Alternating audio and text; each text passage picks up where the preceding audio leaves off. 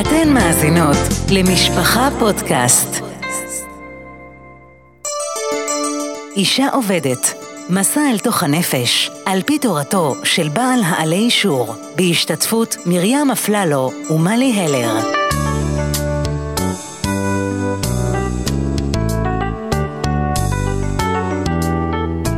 לפני כמה שנים הכנתי כתבה שעסקה בהתנהלות כלכלית. דיברתי אז עם מרואיינת, היא סיפרה לי על חייה. אחרי החתונה התחילה לעבוד בעבודה אה, שהיא מאוד אהבה.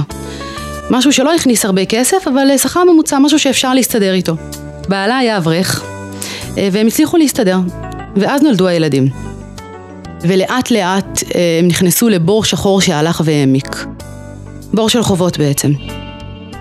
בהתחלה הספיקו להם אה, כמה אלפים, ואחרי זה אה, לאט לאט הם התחילו אה, אה, פשוט ללוות מפה ומשם. עד שהם הפכו לתוכניות חיסכון של כל אה, אה, אה, מכריהם וידידיהם. זוגות צעירים שהם הכירו שמו אצלם עשרת אלפים שקלים, חמש עשרה אלף בשביל חדר ילדים. זוגות קצת יותר מבוגרים שמו פק"ם של בר מצוות ושל נישואי ילדים, וככה כולם ידעו שהם צריכים כסף ושתמיד שמים אצלם כסף. זה היה לא נעים, אבל הם לא ידעו איך להתמודד עם זה. והם פשוט חיו וזרמו. זה היה חור שהלך וגדל. ואז היא סיפרה לי שהיא אה, הלכה יום אחד ברחוב והיא פגשה חברה טובה. מסוג החברות שכולנו צריכות שיהיו לנו, שיכולות להגיד את האמת ועדיין להישאר חברות שלנו. סיפרה לחברה שלה על, ה, על כל המצב הכלכלי. והחברה אמרה לה, תשמעי, את חייבת לעשות משהו, את הלכת לייעוץ, את אה, בדקת את זה, בדקת מה אפשר לעשות? אמרה לה, לא, תקשיבי, אני מיואשת, ניסיתי את כל מה שאפשר לעשות, בדקתי, מה זה ניסיתי? אני כבר יודעת הכל, אני קראתי חומרים, לא יודעת מה אפשר לעשות, פשוט אין, אני לא יכולה לעבוד יותר מזה, אני עובדת מספיק קשה. אה, אנחנו לא יכולים, גמרנו, אנחנו לא קונים אה, מותרות, וזהו, אין לי מה לעשות עם זה, אני חיה. חברה הסתכלה עליה טוב, ואמרה לה, תשמעי, לזה קוראים הזנחה. זה לא סיפור נעים, אני גם לא אגיד לכם מה היה הסוף, כי זה לא, כי זה לא מעניין עכשיו. אבל חשוב לומר שהתוכנית הזאת שלנו, היא לא הולכת להיות תוכנית כלכלית. אלא משהו עמוק הרבה יותר, שעוסק בזה שלא נזניח. לא רק לא נזניח את העו"ש שלנו ואת החשבון, אלא לא נזניח אה, הרבה דברים אחרים. טוב, אז אולי זה הזמן באמת להציג את עצמנו, מלי? אז אה, נציג את עצמנו. אני אציג את מלי היקרה, שהיא בטח מוכרת לכם, מלי אלר.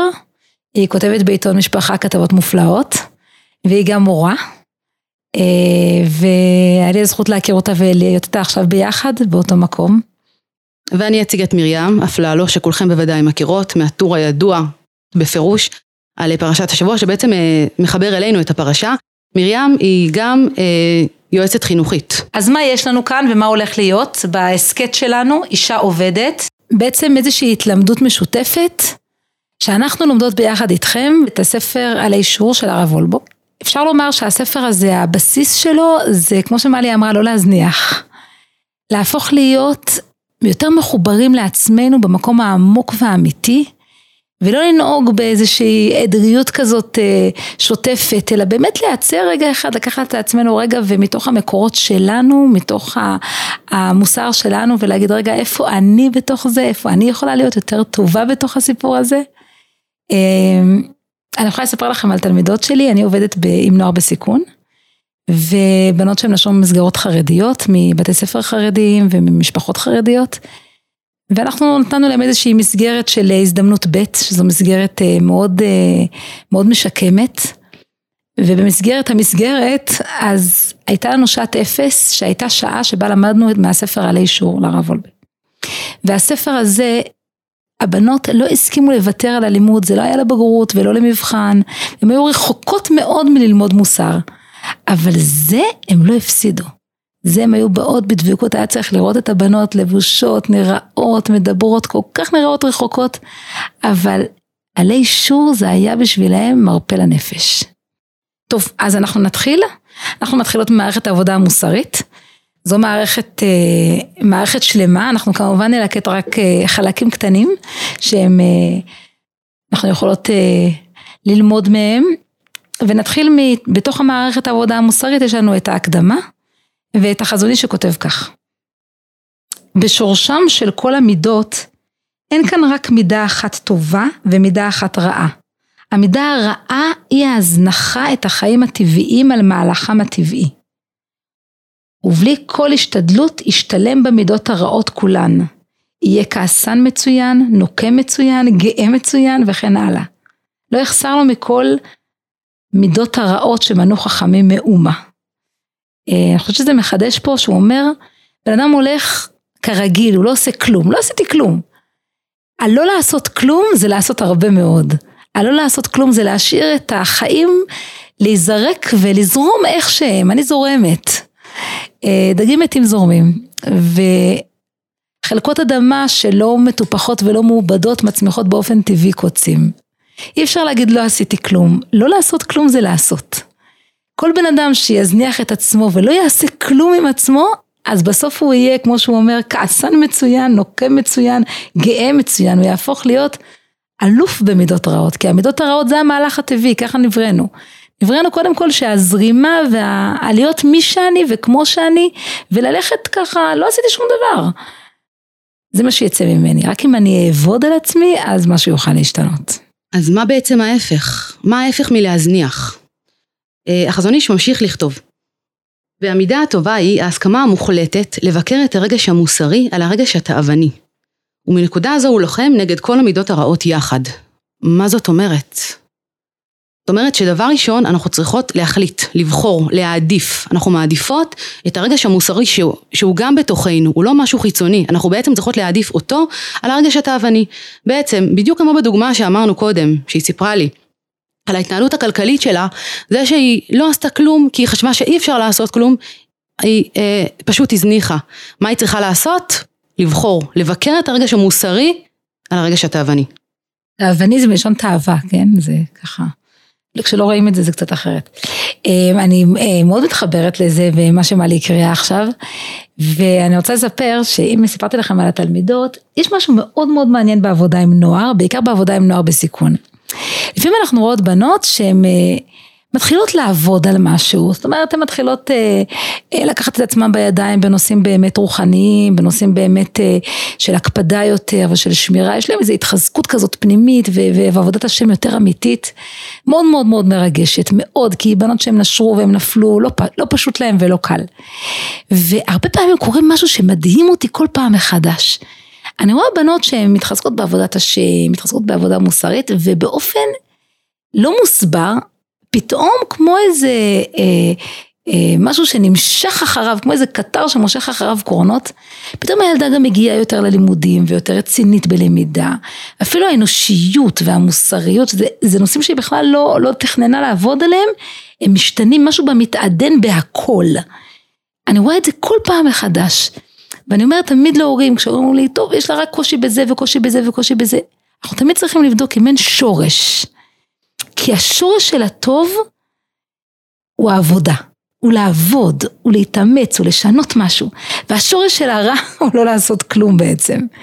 וכשמישהי מתחילה לעבוד, זה לא משנה על מה, היא עובדת על משהו ספציפי, היא עובדת על, על, על, על תכונה, על אישיות, על, על דברים שברוחניות, פתאום הכל מתעורר, כל היכולת הזאת של העבודה, של המאמץ, של ההתגברות, היא מתעוררת בה, כל הכוחות שהיו רדומים בתוכה, הם מתעוררים ונהיה השתנות כללית, משהו גלובלי באישיות של הבן אדם. אני, אני גם זוכרת שלפני כמה זמן אה, מישהי סיפרה לי שהבת שלה התחילה לעבוד מאוד מאוד חזק על, על נושא מסוים. היא אומרת, ופתאום ראיתי שהמון המון דברים בבית השתנו, בעזרה שלה, ביחס לאחים, זה מאוד מזכיר לי את זה. כי כשאנחנו עובדים על תכונה, כמו שאומר החזון איש, אין תכונה שעובדים עליה. היום נעבוד על כעס. יש בסיס, עובדים, זה הבסיס. התחלנו לעבוד, הכל התרומם. לא עבדנו, הכל נשאר. כן מלי, זה מה שבעצם אומר פה החזון איש, נכון? זה בדיוק מה שאומר החזון איש. וזה יכול להישמע אולי קצת תיאורטי, אני חושבת, עד שמגיעים אל השורות הבאות.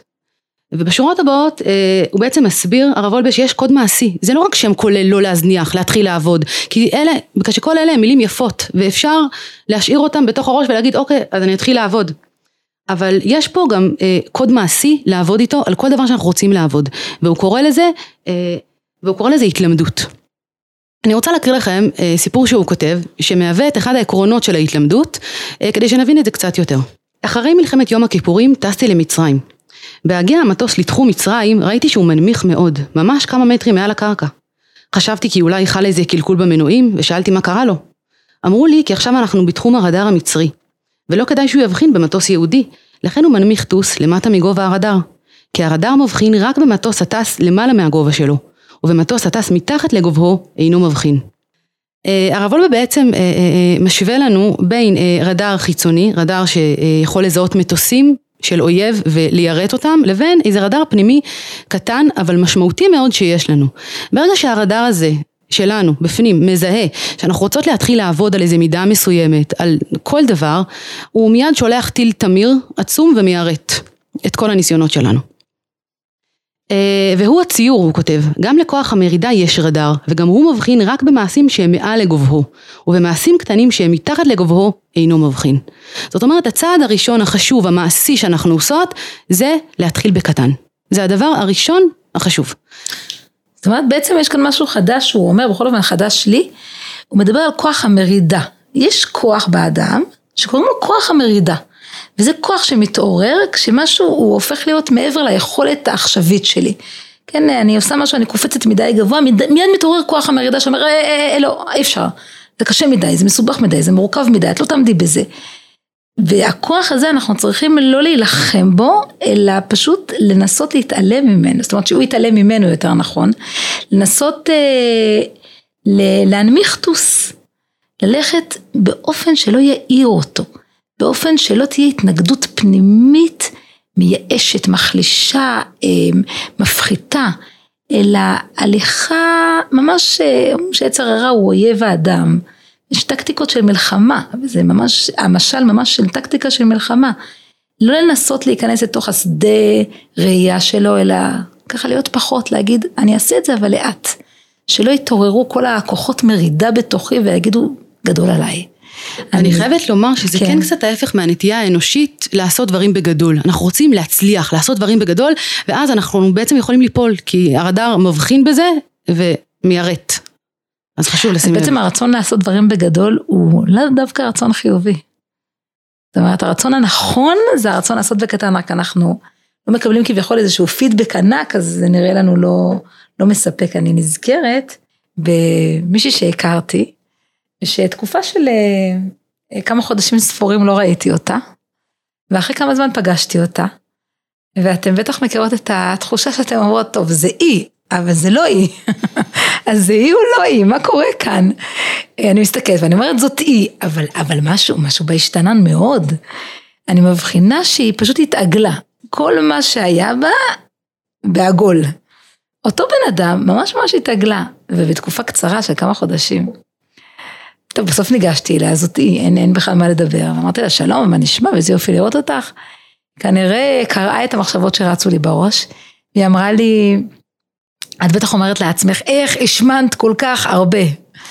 אז אמרתי לה, לא, מה פתאום, בלב שלי אני אומרת, כן, ודאי. ואז היא אומרת לי, אני חייבת לספר לך מה קורה לי. ואני חושבת שהסיפור שלה הוא הסיפור של כולנו. והיא אומרת לי ככה, תראי, עברנו דירה לפני כמה חודשים, לאיזשהו מתחם, אה, שבקומה הקומה, הקומה הראשונה והשנייה שלו הם לא בנייני מגורים, אלא פלאפל, גלידריה, פיצה, מאפים וכולי, מזון מהיר, אה, שווארמה, לא יודעת, ממש אה, כל הקולקציה. הכל היה שם בקומה הראשונה. היא אומרת, טוב, מהם הראשונים עברנו, התארגנו, ואחר כך ככה, אה, אמרתי לעצמי, מעניין מה, מעניין איך זה באמת, וככה מתוך סקרנות בלתי מזיקה, אמרתי, טוב, נתחיל עם הפיצה, נראה איך הפיצה שלהם. הזמנו פיצה, אכלנו, היה מקסים. אחר כך רצינו לראות איך הגלידה, בדקנו את הגלידה, אחר כך רצינו לראות איך הפלאפל, בדקנו את הפלאפל, וככה עברנו אה, אה, ולא קיפחנו אף, אה, אף חנות ואף אף מקום. הגיע שלב שכבר כבר הכרתי, ודווקא בגלל שהכרתי רציתי באמת לאכול, וזה היה לי מאוד נוח, וחסך לי הרבה הכנה וארוחות צהריים, זה היה זמין, זה היה קרוב. יום אחד אמרתי לעצמי, די הגזמת. תראי מה קורה לך, את כל היום אוכלת אוכל מהיר, משמין, לא בריא, מתועש, מה יהיה? בעיקר כל היום. בעיקר כל היום. החלטתי שאני מפסיקה, ואז קרה דבר מדהים. היא אומרת לי, אם תוכלי לעזור לי, אני מאוד אשמח.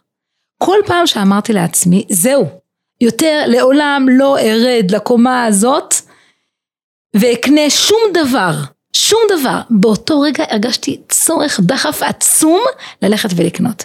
אומרת לי, הנפילות היו, הכי גדולות שלי היו ברגעי החרטה, והחזרה בתשובה. כל פעם שהיה לי התקף כזה של חזרה בתשובה, באותו רגע הייתי מוכרחה ללכת לקנות מנת פלאפל רק היום, כי מחר זהו. אבל היום הייתי מוכרחה, הרגשתי כמו צורך אדיר. אני חושבת שמה שמעלי יקרה זה בעצם זה, זה הרגע הזה שאנחנו אומרות לעולם לא ולנצח ולא יקרה וזה כוח המרידה מתעורר כי זה כל כך גדול וכל כך עוצמתי שאנחנו נכנסים לתוך, אה, לתוך שדה הרדאר שלו והוא אומר לנו בעצם אנחנו, אני לא יכול לעמוד בזה, זה גדול עליי, זה, זה נשגב ממני, אין לי כוחות, אין לי יכולת, כוח המרידה מתעורר ואז הבן אדם באמת אה, נופל, הוא אומר אני לא מסוגל לעשות את זה. דוגמה שפשוט מתאימה בדיוק. אז בעצם מה עכשיו? אנחנו יודעות שצריך לעבוד מתחת לרדאר, ומה זה התלמדות?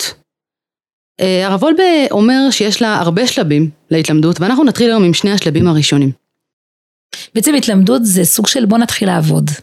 לא נגיד, אפשר ללמוד, ולהגיד מעניין מאוד מה שלמדנו, ומרשים, ונכון אפילו, וכובש לבבות, וממשיכים הלאה, והרב וולבה לא מניח, הוא אומר, דיברנו על מתחת לרדאר, אז בואו נתחיל את זה ועכשיו. ולהתלמד זאת העבודה המעשית. נכון, נכון. זה לא התיאוריה.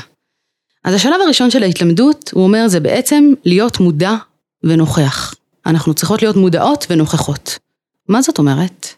אני, אני חברה בקבוצת התעמלות, ואני יודעת שהחברות בקבוצה הן לא כוס התה שלי בדיוק. במקרה, יצא כך. וכל פעם אני מוצאת את עצמי מגיעה לשם, ומאוד צינית, ומאוד שופטת בראש. חוזרת הביתה עם המון... אה, בראש? זה, אני מקווה שזה נשאר שם. אני חוזרת הביתה עם המון אה, משפטי מחץ ופרפראות ודברים שמספקים לי חומר לשבוע שלם, אה, שאני משתדלת להשאיר אותם ביני לבין עצמי, זה לא תמיד עובד. ואז אם אני רוצה לעבוד על זה, הדבר הראשון שהרב וולבה אומר, תהיי מודעת. תדעי, עדיין אל תעבדי, והוא אומר את זה גם, הוא אומר, אנחנו לא עושים את השלב הראשון הזה כדי להוסיף, אה, כדי להוסיף אה, פרומקייט, כלשונו. אנחנו עושים את זה כדי לדעת. אז אני דבר ראשון צריכה לדעת, אני אה, הולכת לקבוצה, אני מגיעה לקבוצה, ואני אה, אומרת לעצמי, אני עומדת להיות צינית עכשיו, אני עומדת לשפוט. זה השלב הראשון, הוא לא רוצה יותר מזה. אבל רק ממנו אפשר בעצם להתחיל לעבוד. הוא הביא דוגמה אה, מאוד מעניינת, הוא מביא דוגמה של אדון עולם. אדון עולם זה, אני חושבת שזה אחד הפיוטים שמושר על שפתנו עוד אה, מגיל מאוד מאוד צעיר. מתוך שכך אנחנו קצת מאבדות את ההבנה העמוקה שהוא בעצם שיר האמונה הכי גדול שלנו אה, בתוך, ה, אה, בתוך הסידור. ואנחנו אומרות אותו ואנחנו לא נוכחות. אנחנו לא בתוך החוויה של האדון עולם. הוא אומר בוא ננסה לומר אדון עולם וננסה פשוט לשמוע, להיות רגע בתוך הכוונה של המילים. לשמוע מה אנחנו אומרות, אדון עולם אשר מלך בטרם כל יציר נברא. עוד לפני שיציר נברא הוא כבר מלך. זה, זה התלמדות, הוא אומר קטע קטן, הוא לא מדבר על כוונה נשגבת, הוא לא אומר אה, בואו נתחיל אה, להעמיק בהבנה של המילים, ממש לא. ואפילו הוא... לא מתוך כוונה להתכוון. כן.